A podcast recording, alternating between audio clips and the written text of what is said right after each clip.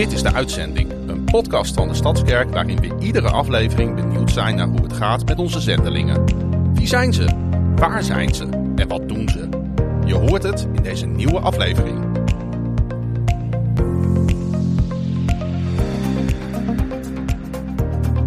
Hartelijk welkom bij deze nieuwe podcast. Het is trouwens, dan, Anja. eh, Goedemorgen. Chris. Goedemorgen. Ja, goedemorgen is het nog. Eh, wist je dat dit de laatste podcast is met zendelingen? Voor dit seizoen. Voor hè? dit seizoen, We gaan ja, volgend ja, ja. seizoen gewoon door natuurlijk. Uiteraard. Ja, Maar voor dit seizoen voor dit seizoen. is het de laatste inderdaad. Ja, dan zit het er alweer op. Wat gaat dat snel, hè? ja, hoe is het met jou? Ja, goed. Goed? Ja, Ja? beetje intensieve week. Dus ik hoop dat ik een beetje scherp ben vandaag. En anders dan eh, hebben we sowieso een leuk gesprek natuurlijk. Ja, eh, sowieso. Jij, jij, jij hebt een zendingsverleden, Anja. Mhm. Ehm, ken jij het naslagwerk Operation World? Ja, zeker. Ja, Ja? ja, ja, ja, ja. Is dat, Ja. wi- is dat een bekend Dat- boek binnen de zendingswereld? Of? Dat denk ik wel. Denk ja, wel? dat is een super dikke pil. Eh, die ook bij ons in de boekenkast staat. Ah, oké. Ehm, ze hebben ook kaartjes. Dus eh, ik hou het een beetje cryptisch. Ja, Dus ja, mag, eh, Nou, wat het is. Ik, ik, ik kwam er toevallig tegen en ik, ik was wat aan het lezen over zending. En eh, het is ooit in 1964 is de eerste editie gemaakt door wat medewerkers van het WEC. En eh, het, het vertelt heel veel over de zendingswereld hè, in Nederland. Eh, wist jij hoeveel in, in het jaar 2000, hoeveel zendelingen er wereldwijd uitge of, waren? Denk, wat, Nee, is- ik denk duizenden. Ja, schatten. Nou, doe eens een gok. 10.000? 200.000. 200.000. Ja, waarvan er 100.000 ook echt uitgezonden zijn naar een ander land. Ja. En, En- dan maar 1% in de naar de landen hè, met de minst bereikte volken. Dat vind ik altijd zo Ja, schokkend. ja, ja. En, en eh, wist, je- wist je naar welk land de meeste zendelingen ooit zijn uitgegaan? In de geschiedenis, hè? Ja, China? Japan. Japan? Ja. Nou, ik zat in de buurt. Ja? ja. Dus, eh, eh, en, daarna Brazilië, daarna de Filipijnen. Nou, dat is de top drie. Dus dat wist Oh, ik helemaal oké. niet. Ik, denk, Nee. ik vond het grappig. Dus blijk- blijkbaar is er, is er een hele... Heeft God he- hele grote plannen met Japan eh, geha- gehad, of nog steeds? Ik weet Nog niet. steeds, denk ik. Maar we gaan ook zo kijken wat, wat God nog meer voor plannen heeft in de zending. En dan gaan we naar een, naar een land wat een beetje in de kant, in de buurt van Japan ligt. Dus we, we gaan naar onze gasten. Willen, zouden jullie willen voorstellen? Wie zijn jullie? Ja, eh, wij zeggen goedemiddag. Eh we zijn Peter en Kelly. eh, hier in Thailand, in Chiang Rai, in het noorden van Thailand. We wonen al sinds 2008 eh, met ons gezin in Thailand. We kwamen met onze enige zoon, toen net twee. En nu eh, onze andere zijn inmiddels eh 11, 14 en de- onze oudste is nu eh 16. En ja, wij, wij werken hier speciaal, richten we ons op de, het Noord-Thaise volk, dat ook wel de Taiyuan genoemd wordt. En eh werken met OMF International. OMF, oké, ja. Dat is ook een hele grote organisatie, OMF. Niet super groot, maar wel redelijk bekend, omdat het al eh, ja, eh 160 plus jaar oud is. Ja, Het begonnen als China Inland Mission met, eh, met Hudson Taylor. oké. Ja, nou, Peter en Kelly Paschieren, we kennen jullie binnen onze gemeente eh, uiteraard al heel lang. Hè? Jullie zijn al, hoe lang zijn, zitten jullie al bij ons in de gemeente? Eh, wij zijn eh, getrouwd in de gemeente, dat was in 2003. Maar sinds 1994, toen ben ik begonnen met de introkring. Ik denk dat ik in eh, april 95 ben ik lid geworden, officieel. Zo, en ja, dus begin 94 kwam ik regelmatig in de gemeente. Ja. En, en zaten we toen al in de stadspark, eh, Stadsparkkerk? Of Nee, nee, nee. Dat was eh, in de Klink. Dat was voor het DOC, zeg maar. Och, Dat was een school. ja. Ja. ja. dat heb ik al niet meer meegemaakt. Jij wel, Anja? Nee, nee, nee, Nee. Ik ben in de Stadspark eh, kerk Ja, ik ook. Ja, begonnen. ja. In 2005 was ik... eh, Ja, ik denk dat ik eh, nog een beetje door jou, eh, Peter, in de Stadskerk ben terechtgekomen. Ooit. Ja, Helemaal aan het ja, ja, begin. met- eh, Aha. Ik kan me wel We iets hadden- van herinneren. inderdaad. jij zat denk ik in de zendingscommissie. Klopt, en eh, jullie nodigden Intersurf, waar ik toen eh, voor werkte, uit. Om op een zendingsdag eh, te presenteren. die niet erg druk bezocht was. Maar het was wel een hele mooie bijeenkomst met ja, de mensen die er waren. Hè, dat was, die waren Ja. enthousiast. Dat was een hele, hele leuke bijeenkomst toen. Ik dacht Ja, wauw, wat ja. leuk. Een hele zaterdag in de kerk. Dat was met Jan Zwart, geloof ik, en John Dekker. Die kwamen speciaal eh, ja, over. En ja, jij dus van Intersurf. En eh, ja, en toen heb ik ja, elkaar gesproken en leren kennen. En eh, jij woonde toen ook in. Groningen, toch? Ja, klopt. Ja, Ja, Ja. ja. ja. toen hebben we elkaar afgesproken nog wat, wat vaker ontmoet later. ja klopt. Ja. En natuurlijk, je had ook een band met Thailand, dus dat was ook, daar was ik zelf ook geweest. Ja. ja, ja.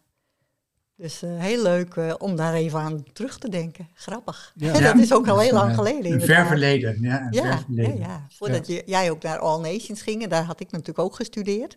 Dus daar was ook een link. dat is ook een band. Ja, ja. Grappig. Ja, want een, ja eh, daar, ging ik, nee, zeg maar. daar ging ik in 2001. eh, oh nee, 2002 ging ik daar naartoe. Ja. En Kelly zat er toen al, in, nog 2001. Ja.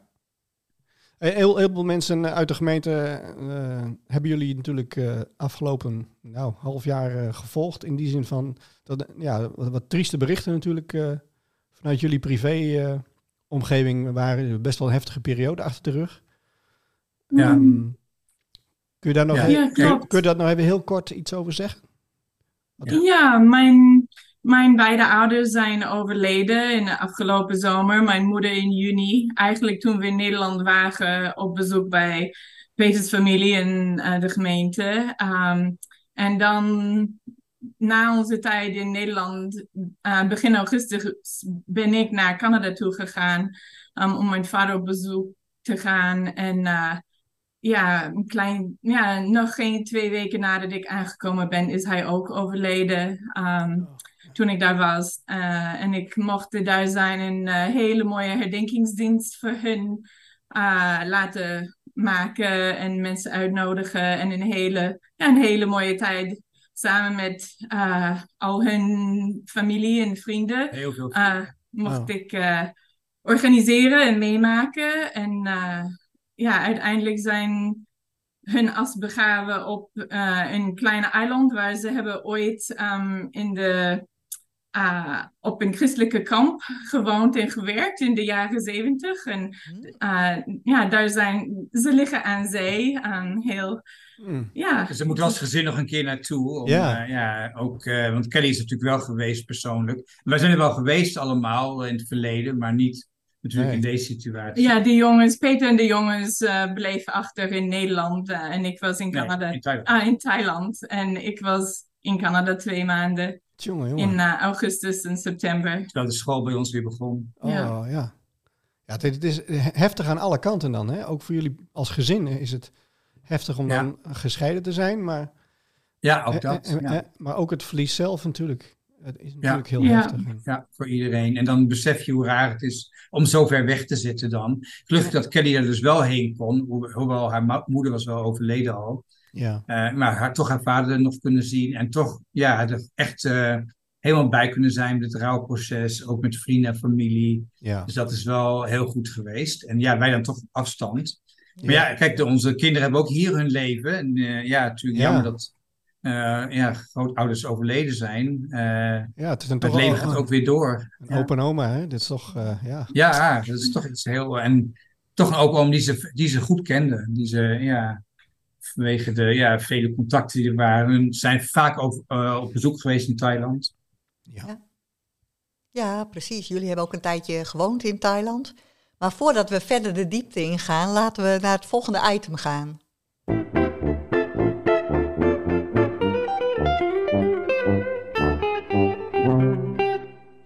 Het is het een of het ander. Chris en ik hebben allebei wat eh, dilemma's eh, voor jullie. En eh, ik begin bij Kelly, bij Kelly.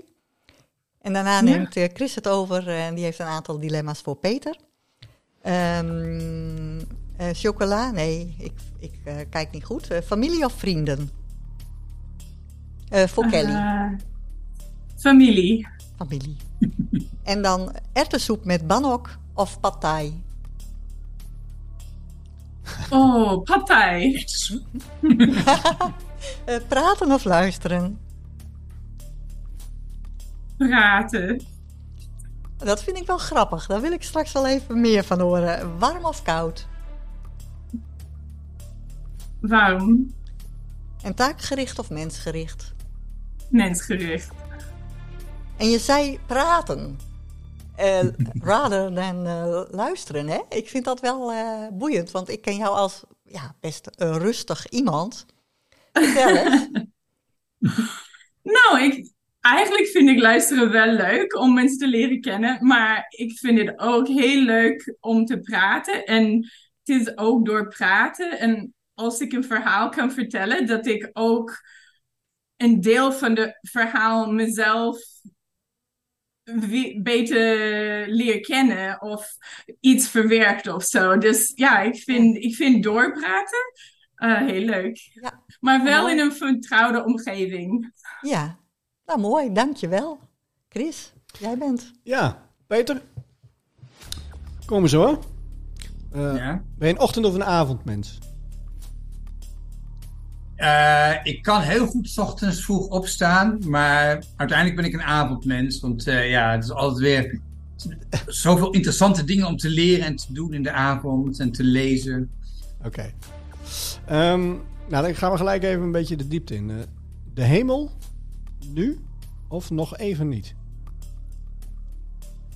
Ja, kijk, ik denk dat de meeste mensen, tenzij je heel erg lijdt, dat je dan toch wel zegt nog even niet. hè. Er zijn mensen hier die je nodig hebben. Je hebt een roeping, je hebt een gezin, je hebt kinderen. Ik zou het hun niet aan willen doen om, eh, ja, om eh, zeg maar weg te vluchten naar de hemel. Ehm, en je hebt ook niet zoveel echt een idee bij van, ja, hoe is het dan? Ben je bij Jezus, maar Jezus komt nog niet terug.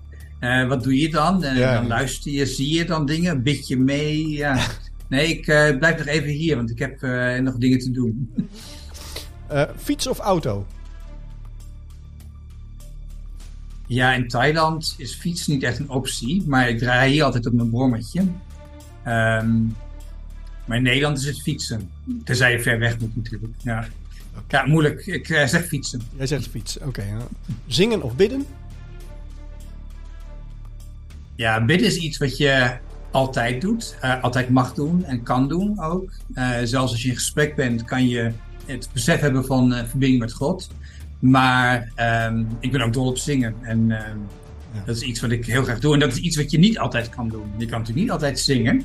Misschien wel in je hoofd, maar niet echt uiterlijk. We zijn net, voordat we aan dit gesprek, gesprek begonnen, wij een, een kleine koor ehm, eh, eh, exercitie gedaan. Omdat we met Pasen doen we mee aan een kleine uitvoering. Eh, ja, en dat zijn toch, altijd hele leuke dingen. En ik, kan, ja, ik moet willen zeggen, maar eh, ja, ik vind zingen ook heel leuk. Eh, ja. En dan heb ik nog een laatste. Ehm, ben jij, welke past het beste bij jou? Geduld, geduld of zachtmoedigheid? Of moeten we dat aan Kelly vragen? Geduld, denk ik, meer. Dus ik heb vaak die feedback gehad. Dat ik, eh, als ik mensen ergens mee help, dat ik heel geduldig ben. En ja, niet geïrriteerd raak aan- voor dingen en dat soort dingen. Ik kan soms wel heel snel geëmotioneel, geëmotioneerd raken door bepaalde dingen. En dan is natuurlijk geduld eh, ver te zoeken. Maar over het algemeen denk ik geduld. Zachtmoedig, ja, maar dat is een beetje kunstmatig. Want eigenlijk ben ik, denk ik, van nature niet super zachtmoedig. Maar het is een beetje iets wat je aanleert, hè? Van, eh, ja, een beetje zachtmoedig. eh Ja. Ja. Ja, beide misschien wel. ja daar, daar groei je in, hè? Ja. ja. ja. Hey, en, en, ja, we kennen jullie natuurlijk nu zoals jullie daar zitten. Peter en Kelly Paschier, eh zendelings-echtpaar uit Thailand. Maar zo is, het natuurlijk niet, zo is het niet begonnen. Waar kom jij vandaan, Peter? Beginnen we bij jou. Waar kom jij vandaan? Ja, ik ben eh, geboren en getogen stadje, dus eh, Groningen. Eh, ehm, ja, hier naar school geweest, of hier bij jullie dan naar school geweest. Ehm, studie afgemaakt eh, aan de rug. Wat voor studie En, heb je gedaan? ehm, psychologie. Oké. En ehm, ja, uiteindelijk ook hier gewerkt eh, bij de, wat toen nog heette de informatiebeheergroep. En dat was niet in de psychologie, dat was in de IT.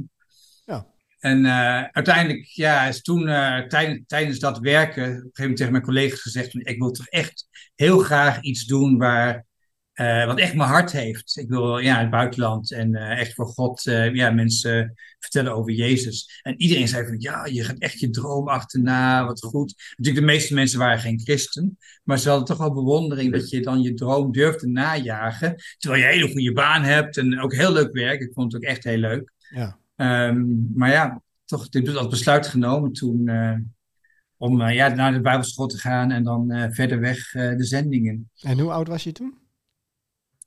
Dat was, um, dat was in 2001 dat ik dat besluit. Uh, ik, had, ik werkte er al langer naar. Het was in, uh, in 1995 ben ik gedoopt. En eigenlijk daarvoor al wist ik dat God mij riep om de zending in te gaan. Alleen uh, God had wel een plan om mij nog wat beter te voor te bereiden. En dat uh, heeft uiteindelijk nog een uh, tijd geduurd voor ik, voor ik echt klaar was, zeg maar zo'n zes jaar. Ja. Want ik was nogal een, nog steeds wel, maar nog een erg een ruige nood, zeg maar. En, hm. ik was eigenlijk net op bekering gekomen en niet meer vanuit een christelijke achtergrond. maar ik had allerlei dingen gedaan, ook op geestelijk vlak. Dus dat zijn enorme ja, dingen die je moet verwerken en een plaats moet geven. En eh, dingen die je moet leren en ontwikkelen. En de Bijbel, uh, ja, fix aantal maal lezen. Want uh, jij, jij, jouw gezin was niet. Zijn, jij bent niet christelijk opgevoed? Nee, nee. Mijn, mijn ouders zijn allebei wel christelijk opgevoed. En ook wel ja, redelijk actief. Maar toen zij eenmaal het huis uitgingen en gingen studeren deed het eigenlijk, speelde het geen rol meer in hun leven. En je was ook in die tijd, in de jaren zestig, van dat je alles een beetje, dat allemaal achterlaat. Er gaat een nieuwe, nieuwe, een nieuwe wereld tegemoet, zeg maar. En toen ik werd geboren in 1965, uh, eh, werd ik ook niet gedoopt door mijn ouders. Want dat was gewoon niet meer uh, van deze tijd. En ik denk dat ze ook niet meer echt geloofden op dat moment. En zo ben ik ook opgevoed. Uh, ja. Echt als, ja, als niet-gelovende atheïst eigenlijk. Oké. Ja. En in, in welk jaar uh, kwam. En moet ik, wil ik alleen even een jaar horen, want ik ga zo even naar Kelly uh, natuurlijk. Maar in welk, ja. in, in, welk jaar kwam Kelly in jouw leven? Uh, 2002. 2002? Dat was toen, wij, toen ik naar All Nations ging om te studeren. Dus had ik mijn werk net opgezegd en verhuisde naar Engeland om naar de Bijbelschool te doen. En Kelly was daar al een jaar aan het studeren. Oh, nou. Goed. Dan, uh, wel een beetje uh, verklapt hoe jullie elkaar ontmoet hebben. Maar uh, Kelly, ik ben even benieuwd, uh, waar kom jij vandaan? En, en hoe, ik kom uit Canada. Ik kom uit Vancouver. Oké. Okay. En daar ben je geboren? Ja, ik ben geboren in Vancouver en opgegroeid in de stad. ik ben in een christelijke gezin opgegroeid. Um, mijn ouders waren heel actief in de gemeente. Ze waren ouderlingen, oud, oudste, oudste in de gemeente. En, uh, maar mijn vader was een um, uh, psycholoog op scholen. Uh, onderwijspsycholoog. Onder, onderwijspsycholoog. En mijn, mijn moeder bleef thuis bij ons, maar ze was een verpleegster. en ze ging terug toen wij iets ouder waren, ging ze terug werken als verpleegster. Ja. Hebben jullie, kom je uit een groot gezin? Nee, het is alleen, uh, ik ben de oudste en ik heb een jongere broer. Oké. Ja, ja, mijn, ja, mijn moeder is Canadees, maar mijn vader eigenlijk komt uit Nieuw-Zeeland. Dus het was, oh. um, ja, ook in, ja, ik voelde me niet altijd helemaal Canadees. Uh, ook als ik ben in Canada opgegroeid. Ja. ja. Je had al internationale wortels. Ja. Ja ja, je bent nu nog internationaler, uh, zeg maar, uh, geworden. Ja, ja dus uh, ik, ik ging na de middelbare school ging ik studeren op de universiteit, ook in Vancouver. Um, ook ook ging, psychologie? Ook nee, nog niet. microbiologie? Nee, microbiologie. Oh. Ik heb oh, wetenschap laten studeren, microbiologie. Um, en daarna ook een tijdje gewerkt als onderzoeker. Um, ja, vaccinaties proberen aan het ontwikkelen. Uh, voor een paar jaar, maar ik... Toen al. toen al, ja. Um, maar, maar ja, in, tijdens mijn uh, universiteitsdagen, ik was lid van een christelijke studentenvereniging. En uh, in die tijd hoorde ik de roeping uh, naar de zending toe. Dus het was in die tijd dat ik al een hart had voor zending, maar uh, het duurde veel jaren voordat dat echt uh, ja, wordt gerealiseerd. Ja. En hoe kwam je ertoe om vanuit je werk naar All Nations te gaan en ook nog eens aan de andere kant van de wereld, min of meer? Ja, nou, nou ik had een, een baas die christen was. En um, hij zei tegen mij, nou, wil je je contract verlengen? Of, uh, of hij wist al dat ik uh, geïnteresseerd met zending was. Of is het tijd om de zending in te gaan? Oh, en wow. je, je droom van uh, bijbelschool na te, na te gaan. Dus hij zei, nou, je, ja, de keus... Jij mag de keus maken, dus Met ik- God. met God natuurlijk. Dus ik ging even een weekend eh, vasten en bidden. Um, en ja, in die tijd uh, had ik de ja, hoorde ik van God of had ik de bevestiging dat ja, ik moest wel richting zending, maar ik mocht eh, nog een jaar werken. Dus ik werkte nog een jaar uh, in de onderzoek. En in die tijd was ik aan het voorbereiden om, om naar All Nations te gaan. En, ik, ja, en dan in 2001 is het uiteindelijk gelukt en ben ik naar All Nations uh, gegaan ja. om te En studeren. God, God coördineert, coördineert dat allemaal. Want ik had hetzelfde een beetje. Op een gegeven moment zei ik van nou, ik ben nu klaar om te gaan na 2,5 jaar mijn studieschuld hebben weggewerkt. En toen op een gegeven moment was het toch van nee, ik moet toch nog een jaartje blijven. Ik snapte het niet, want ik wilde heel graag de zending in. En alles is klaar. En toen zei ik plotseling, omdat zij had besloten, ik blijf nog een jaartje in Canada, moest ik blijkbaar nog weer een jaartje in. Groningen blijven. Ja, God had een plan met Ja. jullie samen natuurlijk. Ja, Uh, ja. Dat, eh, Ja. Want jij hebt één jaar All Nations dan gedaan, eh, Peter, en jij twee. eh, twee jaar. Oh, ook twee ik jaar. heb eh, twee jaar BA gedaan en Kelly heeft het in drie jaar gedaan.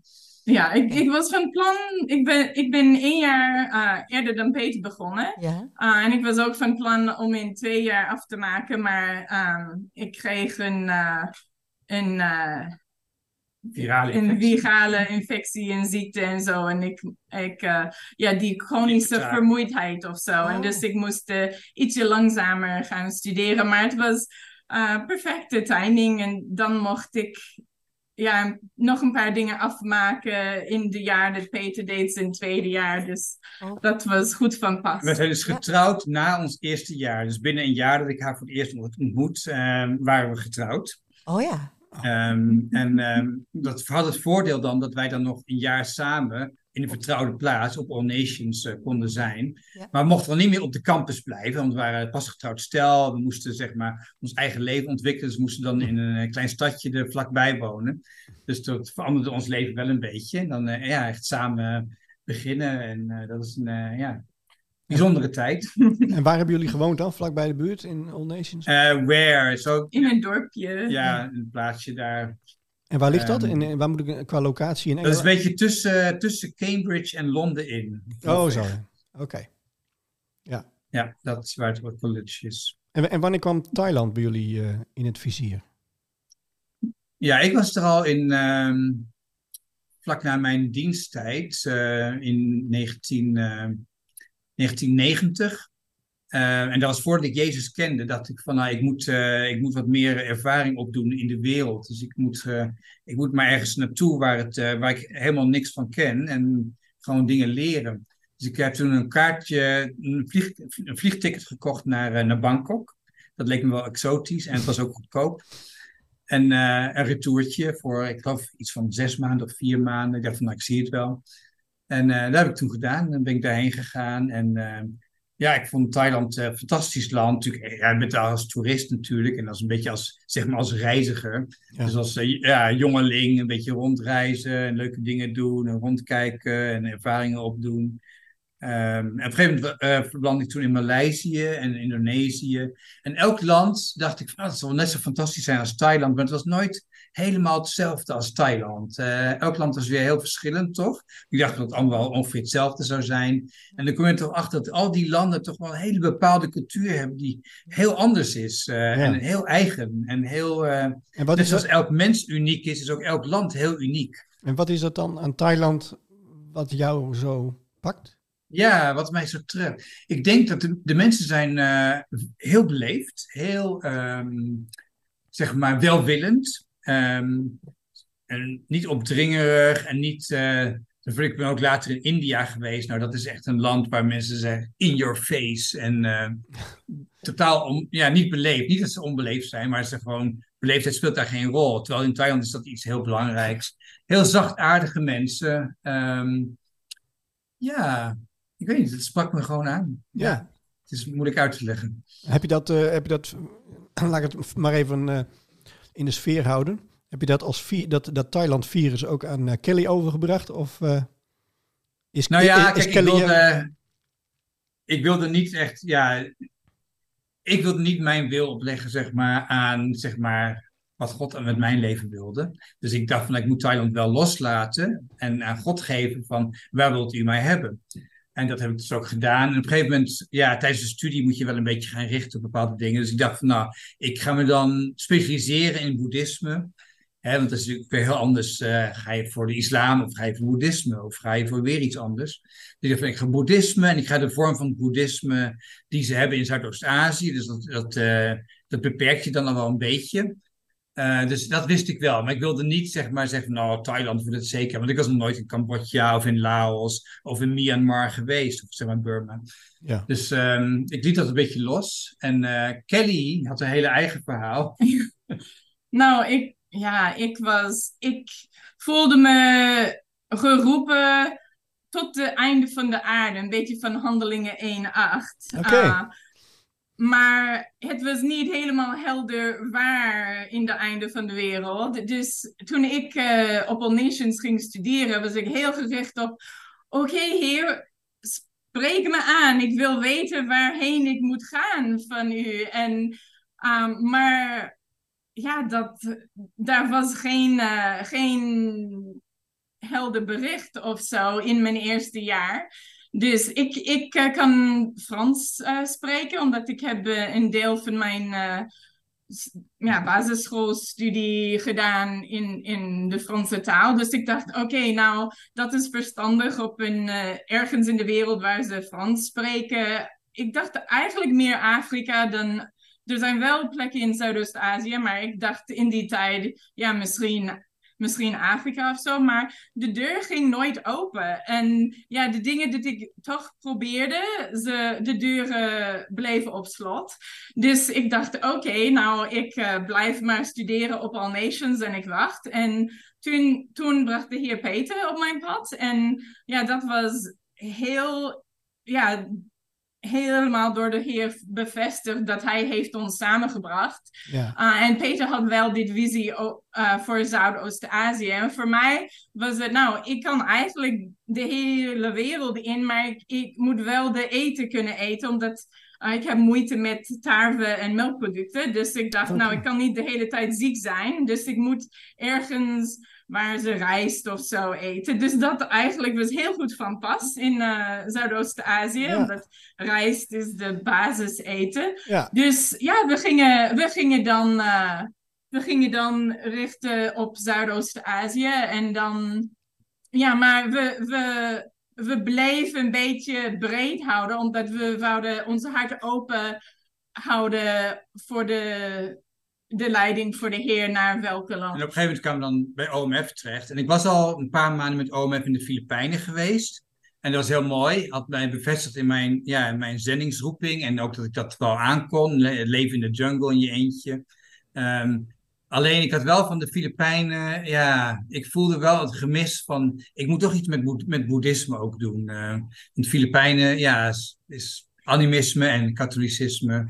En daar had ik toch eigenlijk geen binding mee. Ik vond het wel prachtige mensen verder. Ja. Dus ik dacht van, nou, dat is een goede keus. Toen kwamen we bij OMF uh, terecht in Canada. En die uh, zeiden van, nou, waar, waarvoor ben je aan het bidden? Welk volk ben je aan het bidden? Dat is ook met Operation World uh, is heel erg gericht op ja, bevolkingsgroepen. Je moet mhm. je echt richten op een bevolkingsgroep. Moet, elke bevolkingsgroep moet bereikt worden. En dat was ook wel een ding wat ik uh, heel vroeg in mijn uh, roeping al had. Van, ik wil naar wel een onbereikt volk waar de Bijbel nauwelijks verkrijgbaar is. En waar de mensen de Jezus nauwelijks kennen. Ja. Um, maar goed, die uh, waar ben je van? Ben ik zei van, nou, Zuidoost-Azië, ja, specifieker, welk volk? En ik van, nou, al die volkeren wel. En uh, ze zeiden van, nou ja, dan moeten we maar even met jullie nog aan de slag. Maar die, de personeelsmanager daar zei, die had zelf in Thailand gewerkt. En die zei van, ik denk dat Thailand wel heel goed voor jullie is. En toen gingen ze ook vragen welk veld uh, er ruimte was voor ons. En Thailand was positief. En, uh, en Mekong was positief, dus waar we nu bij zitten. Ja. Uh, Cambodja was net nieuw, dus hadden ze geen antwoord van gekregen. Had ik ook wel heen gewild. Um, en toen uh, zeiden ze van, nou, doe maar Thailand. Ik zei van, nou, Thailand is voor mij prima. En toen leerden we juist in diezelfde twee weken dat we daar die uh, cursus deden bij OMF, ehm, dat Thailand eigenlijk de minst bereikte land is van alle landen in dat gebied. Elk omringende land, ook al is het Laos of Cambodja of Burma of Maleisië zelfs, er zijn meer christenen percentueel gezien dan in Thailand. Okay. En Thailand ligt het uh, percentage voor evangelische christenen op minder dan 1%. Ja. Dus ik dacht van nou dat past perfect. Plus dat ik al uh, het land ken en uh, weet ik van die mensen hou en dat het eten lust. ja, ja. En, en um, als je dan met z'n tweeën naar Thailand afreist, um, hoe, gaat, hoe gaat God in jullie, is jullie, in jullie aan het werk gegaan om te bepalen wat je opdracht daar wordt? Wat voor werk je daar Ja, nou, bij OMF is het in principe zo, en OMF Thailand uh, helemaal, waar wij ons bij gingen aansluiten. Iedereen is eigenlijk uh, gemeentestichter. Hè? Dus je komt daar en je, je, je, je doel is om de gemeente van God te zien groeien. En dat is nog steeds natuurlijk ook ons wijdere doel. Um, en dan ga je erop richten en dan denk je van ja, wat weet je er allemaal van? Hè? Toen begin je met de taalstudie een jaar lang en zit je in een uh, ja, in Lopburi, in een stad in Centraal Thailand. En dan ga je op zoek, waar ga je dan heen? Waar gaat God je heen leiden? we hebben gelijk, gelijk naar uh, Noord-Thailand, in Lampang. En daar was een team actief. Die was bezig met, uh, ook weer met gemeentestichting. Maar die hadden een hele sterke visie voor wat ze noemen organic church, organische church. Ik noem het nu uh, vaak natuurlijke kerk. Je moet dan een beetje denken aan meer aan een huis, huisgemeentebeweging. Oh ja. Wat kleinschalige, wat, uh, wat horizontale, wat minder zeg maar traditioneel. Uh, zodat het makkelijker uh, gereproduceerd kan worden. Hè, als je een heel mooi gebouw neerzet en een mooie spreekgestoelte. En er komen wel mensen op af. Maar dan moet je weer steeds elke keer weer hetzelfde doen als je elke nieuwe gemeente die je op die manier sticht. Dus wij wilden het wat meer een beweging zien. We wilden mensen een discipelschapsbeweging. En daar zijn we later nog, nog veel meer in gegroeid. In het uh, ja, mensen langzaam met Jezus leren leven. En uh, dat die levens getransformeerd zien worden. Doordat Jezus gewoon in een gemeenschap aan het werk is. Ja. En uh, ja, dat is, dat is een beetje onze zoektocht, zeg maar. In, in het, uh, ja, wat voor werk ga je dan doen? Ja. Nu zitten jullie in Chiang Rai, hè? niet meer in Lampang. Mm -hmm. Hoe is dat ja. ver, ver, gegaan? Hoe zijn jullie daar terecht gekomen? Nou, wij zijn twee termijnen van vier jaar dan in Lampang gewoond en gewerkt. En uh, in die eind van die tijd, het werd... Uh, ja, we konden zien dat de school voor onze oudste zoon Lucas, dat wij moesten iets anders voor hem zoeken. Dus wij gingen even kijken, zouden wij dan in Lampang blijven en dan hem ergens anders laten studeren? Maar hij was alleen maar 11, 12 jaar oud. Of moeten wij dan met het hele gezin ergens gaan uh, verplaatsen. En ja, in, wij gingen bidden en ook met leiderschap even zoeken. En het beeld dat kwam bij iedereen voor was dan dat misschien was het goed voor ons om in een nieuwe plek uh, te vinden om te ja, een bediening daar te vinden waar ook een school voor de kinderen was. En onze droom was altijd, ja, onze kinderen die gaan perfect Thais spreken. We sturen ze naar Thaise scholen en dan worden ze ook helemaal Thais. En dan wordt ons hele gezin wordt helemaal Thais. En dan kunnen we nog beter integreren. Maar in 35% van alle gezendingsgezinnen uh, zie je dat dat eigenlijk toch niet werkt. Hm. En dat hadden wij natuurlijk ja, hadden we liever van tevoren geweten, want dan kan je dat wat beter, uh, wat ja. beter plannen. Maar nu zie je van ja, in praktijk werkt het niet. En je ziet alle, we zien nu allemaal vrienden, bevriende gezinnen, allemaal naar steden trekken waar toch een internationale school is. En dat is dus in Chiang Rai, was er een internationale school. We hebben toen gekeken in Chiang Mai en in Chiang Rai. Dat zijn de Mhm. twee steden in Noord-Thailand waar een internationale school eh, beschikbaar is. Eh, want we wilden wel graag met het Noord-Thaise volk eh, blijven werken. Daar hadden we natuurlijk in geïnvesteerd. Ja. En Chiang Rai was gewoon wat kleinschaliger. Eh, Chiang Mai is gewoon wat groter en het trok me niet aan, zo'n grote stad. Maar we gingen ook kijken bij scholen. En de school in Chiang Rai was gewoon heel, heel positief christelijk. En op zich, ja, was het helemaal niet iets waar wij naar op zoek waren. Ja, natuurlijk wel een goede school voor je kinderen. Maar we hoefden niet per se christelijk. We kunnen onze kinderen wel leren om met, zeg maar, een moeilijke situatie eh, om te gaan. Maar uiteindelijk is het een enorme zegen geweest. Want ja, Lucas, onze oudste, is echt tot persoonlijk geloof gekomen. Doordat hij hier mentoren heeft. En ja, het heeft een hele verlichting gegeven in ons gezinsleven. Dat onze kinderen geestelijk gezien een, eh, echt een thuis hebben. Alleen al op school. Ja, Eh, en, en ja, dat is voor ja, toch wel heel belangrijk eh, om ons dan weer vrij te zetten. Ja. Om ja, ruimte te hebben om eh, ja, andere dingen te doen. Ja. En daarvoor zijn die scholen ook. Zo deze school bijvoorbeeld is, eh, draait puur op zendelingen. En dat zijn mensen die dus geen inkomen krijgen, die daar komen werken. Dat zijn allemaal mensen die zijn uitgezonden om les te gaan geven aan die school. Ja. En eh, daar als zendeling profite- profiteer je daar dan van. Dat jij dan je kinderen daar op een hele goede situatie eh, ja, naar Ja. school kan laten gaan. Terwijl je dan vrijgesteld bent om, eh, Ja. om dingen te doen. ja, mooi is dat. Maar Ja. Mm, Ja. ja. het is super. Het is prachtig en het is echt een zegen. zegen omdat ja, je merkt.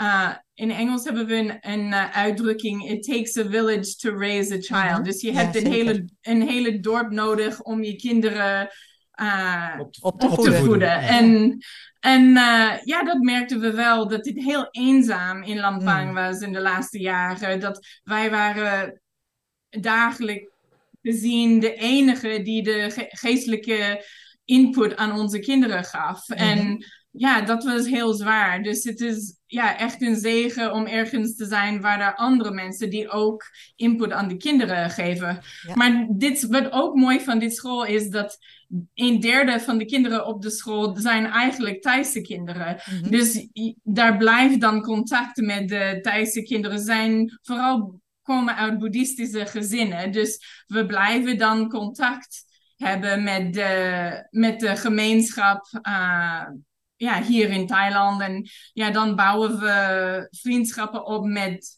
de boeddhistische gezinnen door de contacten die we hebben op school en door de kinderen.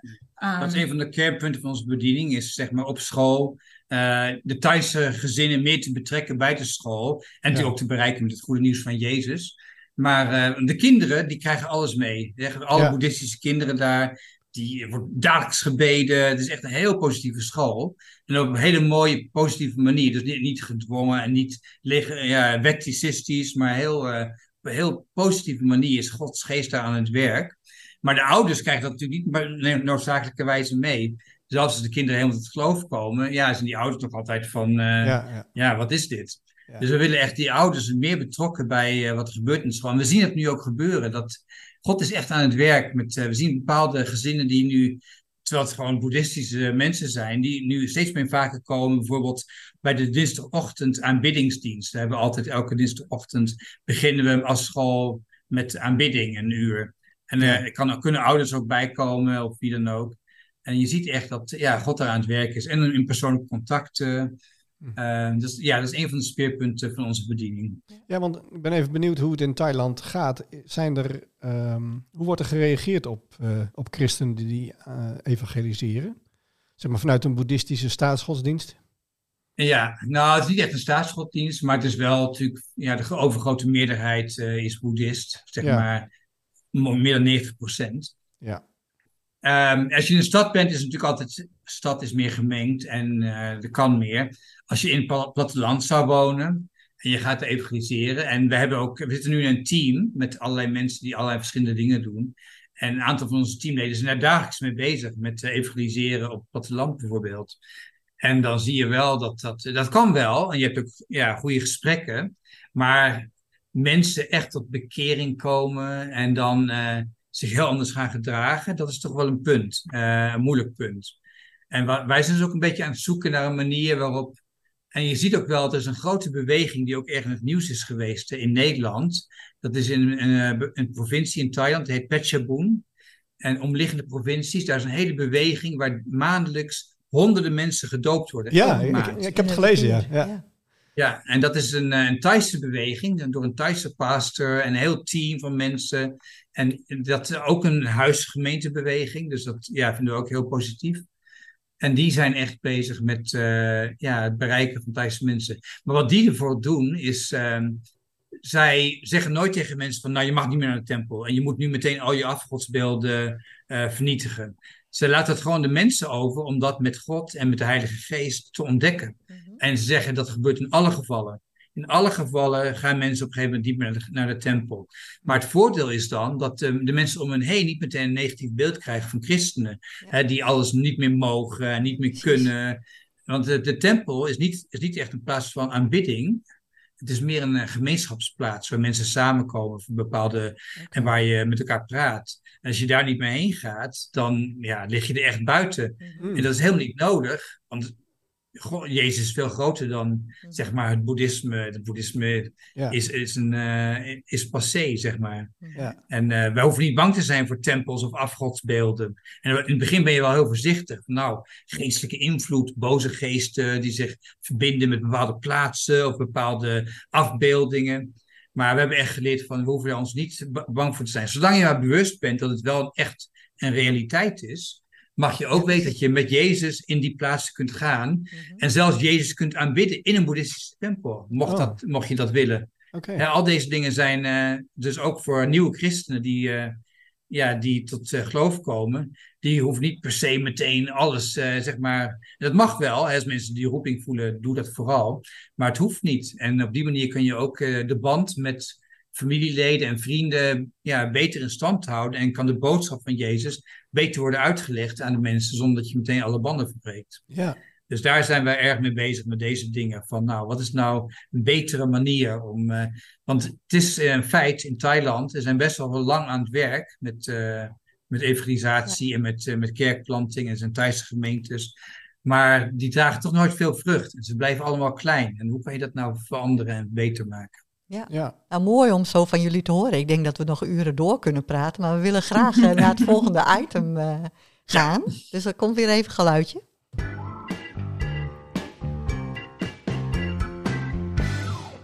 De geloofsvraag. Ik heb een vraag voor jullie en dat is met welke bijbelse persoon had je graag een dagje willen oplopen of meelopen? Uh, wil jij beginnen, Kelly? Oh. Dat, dat mag ook Jezus zijn, Anja, of niet? Want, ja, dan wordt dat is een goeie. Ja. ja. Dat mag niet. Dat mag Liever niet. niet. Okay. Nee. Dat willen we allemaal, denk ja, ik. Wil, ja, precies. ja. Nou, ik denk... Ja, waarschijnlijk Johannes. Mm. Uh, ja, die de evangelie en de Openbaring. openbaringen heeft geschreven. Zou ik wel ja, misschien eind van zijn leven even, even een tijdje met hem. Nou, ja, om. Ik, ik zit nu met een Bijbelstudiekring de openbaring aan het, aan het lezen mm -hmm. en een Bijbelstudie daar te doen. En ja, dat, dat, daar is zo'n rijkdom van waarheid. Mm -hmm. En de waarheid in de midden van een wereld dat heel onrustig is. En. Yeah ja, ik heb echt het gevoel dat dit een bericht voor, voor deze tijden is. En ja, de wijsheid van Johannes. Ja, ja ik zou wel met hem daar even, even tijd doornemen om zijn wijsheid. Ja, ja, kan je de hele dag doorkletsen als je de rots aan het verbreken bent. En gewoon even heb je al de tijd om, om te kunnen praten en luisteren en ja, de, de dieptes in te gaan. Mm. Ja, mooi. Leuk. Hmm, en Peter dan? Dat ik ook wel willen zeggen. ja. um, nou, ik denk dat ik dan toch voor Paulus ga. Um, dat is gewoon een interessant persoon, omdat hij ook heel veel uh, natuurlijk, uh, banden heeft. Hij is onderlegd zeg maar, in de Joodse uh, gebruiken en wetten. Mm -hmm. Maar ook een enorme verandering. En hij heeft visioenen gehad. Mm -hmm. En natuurlijk een heel vurig evangelist. En dat lijkt me ook wel weer moeilijk dan, hoe je dan goede vragen kan stellen aan zo iemand. Maar toch denk ik, ja, ik zou heel veel vragen willen stellen aan iemand die goede antwoorden kan geven. Lijkt me Paulus wel heel geschikt. Ja, ja, ja, ja mooi. Ik denk uh, dat ik daar ook met allebei wel inderdaad uh, Ja. zou willen meelopen. Maar ik denk dat we doorgaan, Chris. Ja, eh, ik, ik vind het goed. Eh, we hebben nu te maken met eh, twee zendelingen in Thailand. Eh, reizen jullie veel of niet? Ja, nu, afgelopen jaar natuurlijk, ja, Kelly naar Canada geweest. En, Ja, ja. ja. dat is wel... eh, Afgelopen jaar niet zoveel, maar, maar vroeger wel. Ja. ja, Kijk, eigenlijk, wij reizen nooit buiten Thailand, tenzij we naar het buitenland gaan. Zeg maar, tenzij we naar Nederland of naar Canada gaan. Verder gaan wij nooit ergens naartoe. nee. Kelly is een keer naar Singapore geweest voor iets. Ehm, ja, wij, wij ook vakanties. Gaan we, blijven altijd binnen Thailand. Heel, allemaal heel saai. Oh. Maar goed, ja, Thailand is zo groot en eh, ook zo eh, relaxed eigenlijk. Hè? Daar heb je zoveel middelen. Is Thailand niet groot? nodig. Ik heb geen idee. Hoe groot is Thailand qua oppervlakte? Vergelijkend met, Ah. Nederland, met Nederland? Vier keer zo groot als Nederland. Oh joh. Oh. Vier keer zo groot, maar. Ja, ik denk het. Oké, maar het is een, heeft een interessante vorm, dus het is duizenden kilometers lang. Ja, ja, ja, ja, oké. Nou ja, goed. eh, Misschien was het tien keer zo groot. Misschien tien keer zo groot. nou, vier keer of tien Het keer, meer maakt, er vier, niet zoveel uit. vier keer het inwonertal, dat is het. Oh, dat is ja, het. Oh, 60 zo. miljoen, hè? Oké, ja. Ja. ja. Nou ja, goed, als, als, je, ook als jullie op reis gaan, dan neem je uiteraard een koffer mee, hè? Dus eh, daar hebben we, nieuw, we hebben ook een item voor. Heet de reiskoffer.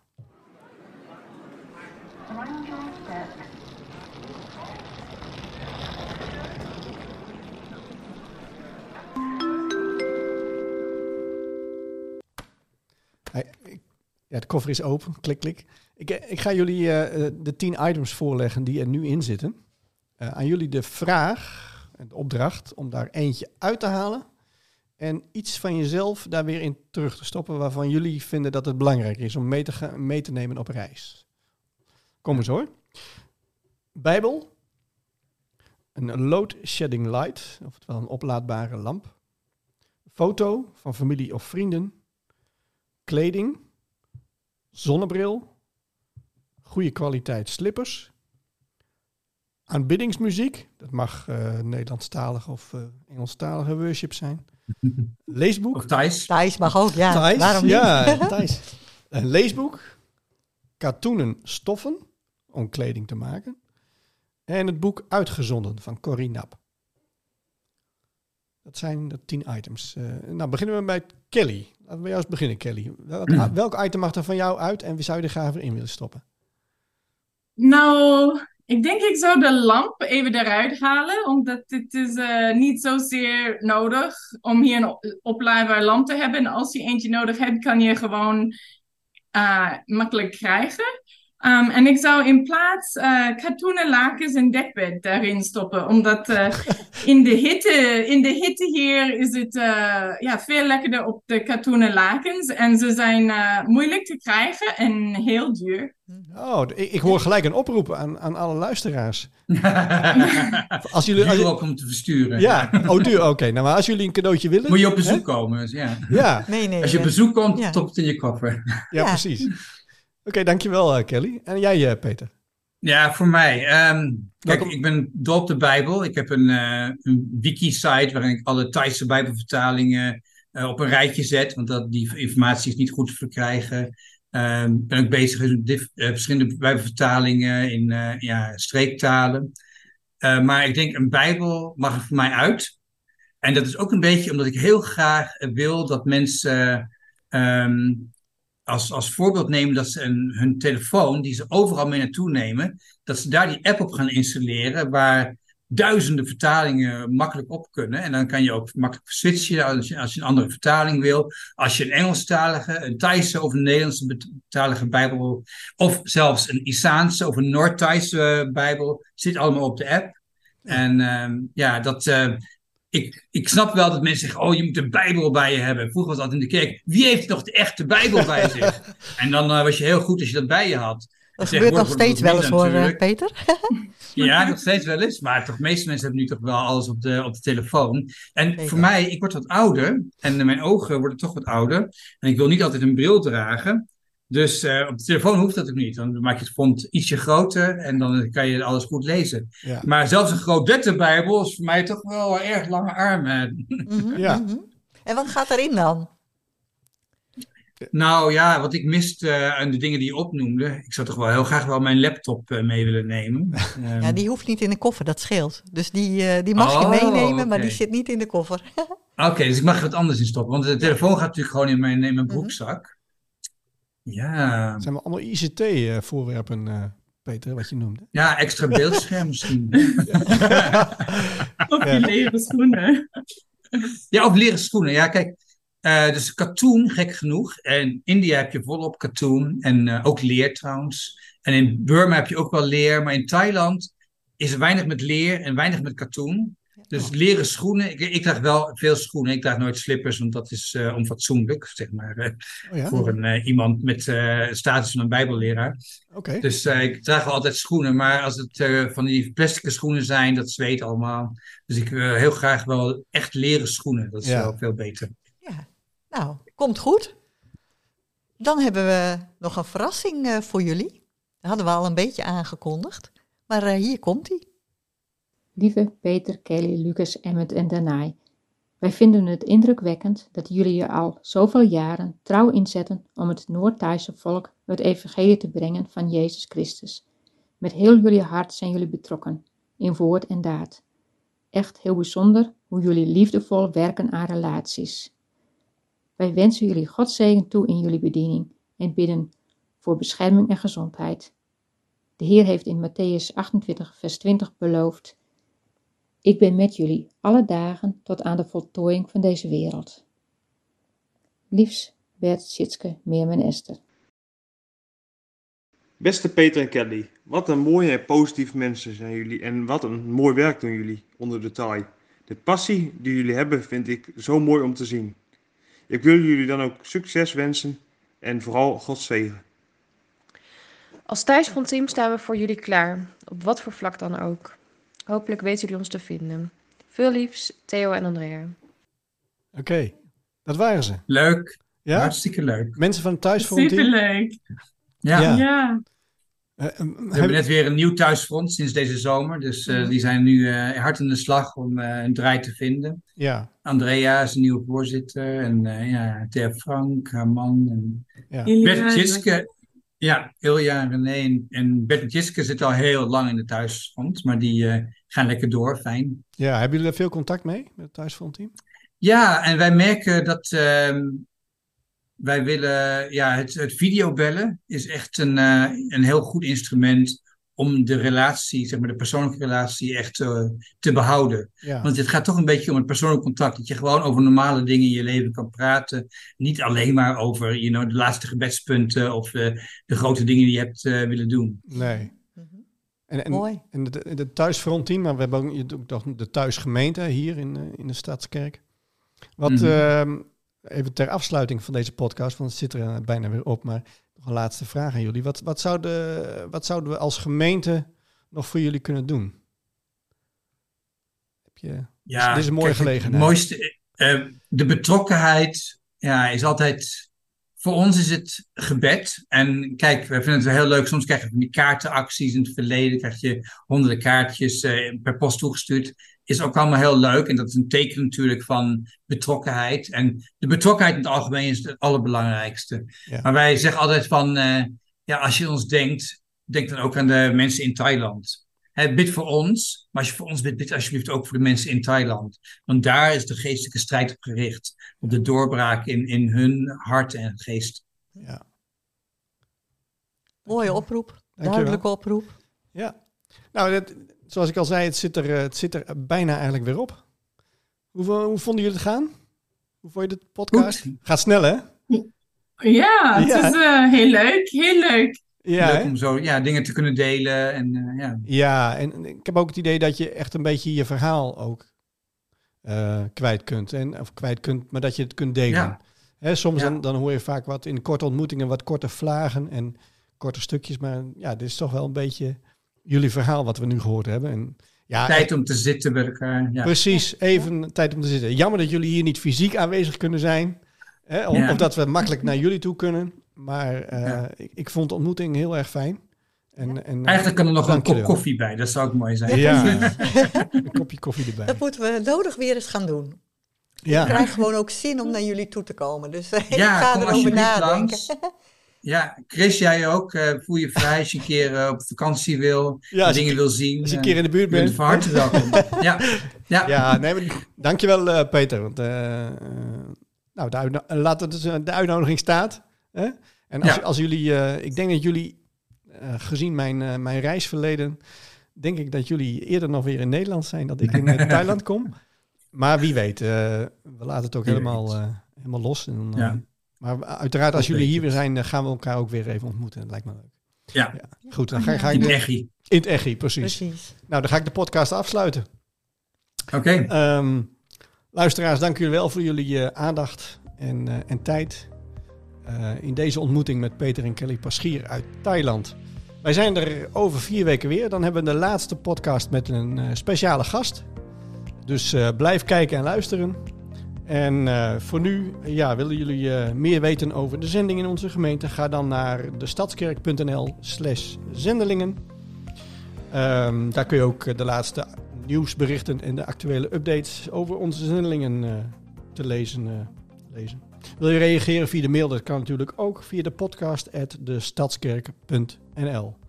En tot slot weet, weet dit, we zijn allemaal geroepen en gezonden om de liefde van de Heer Jezus te verspreiden. Amen.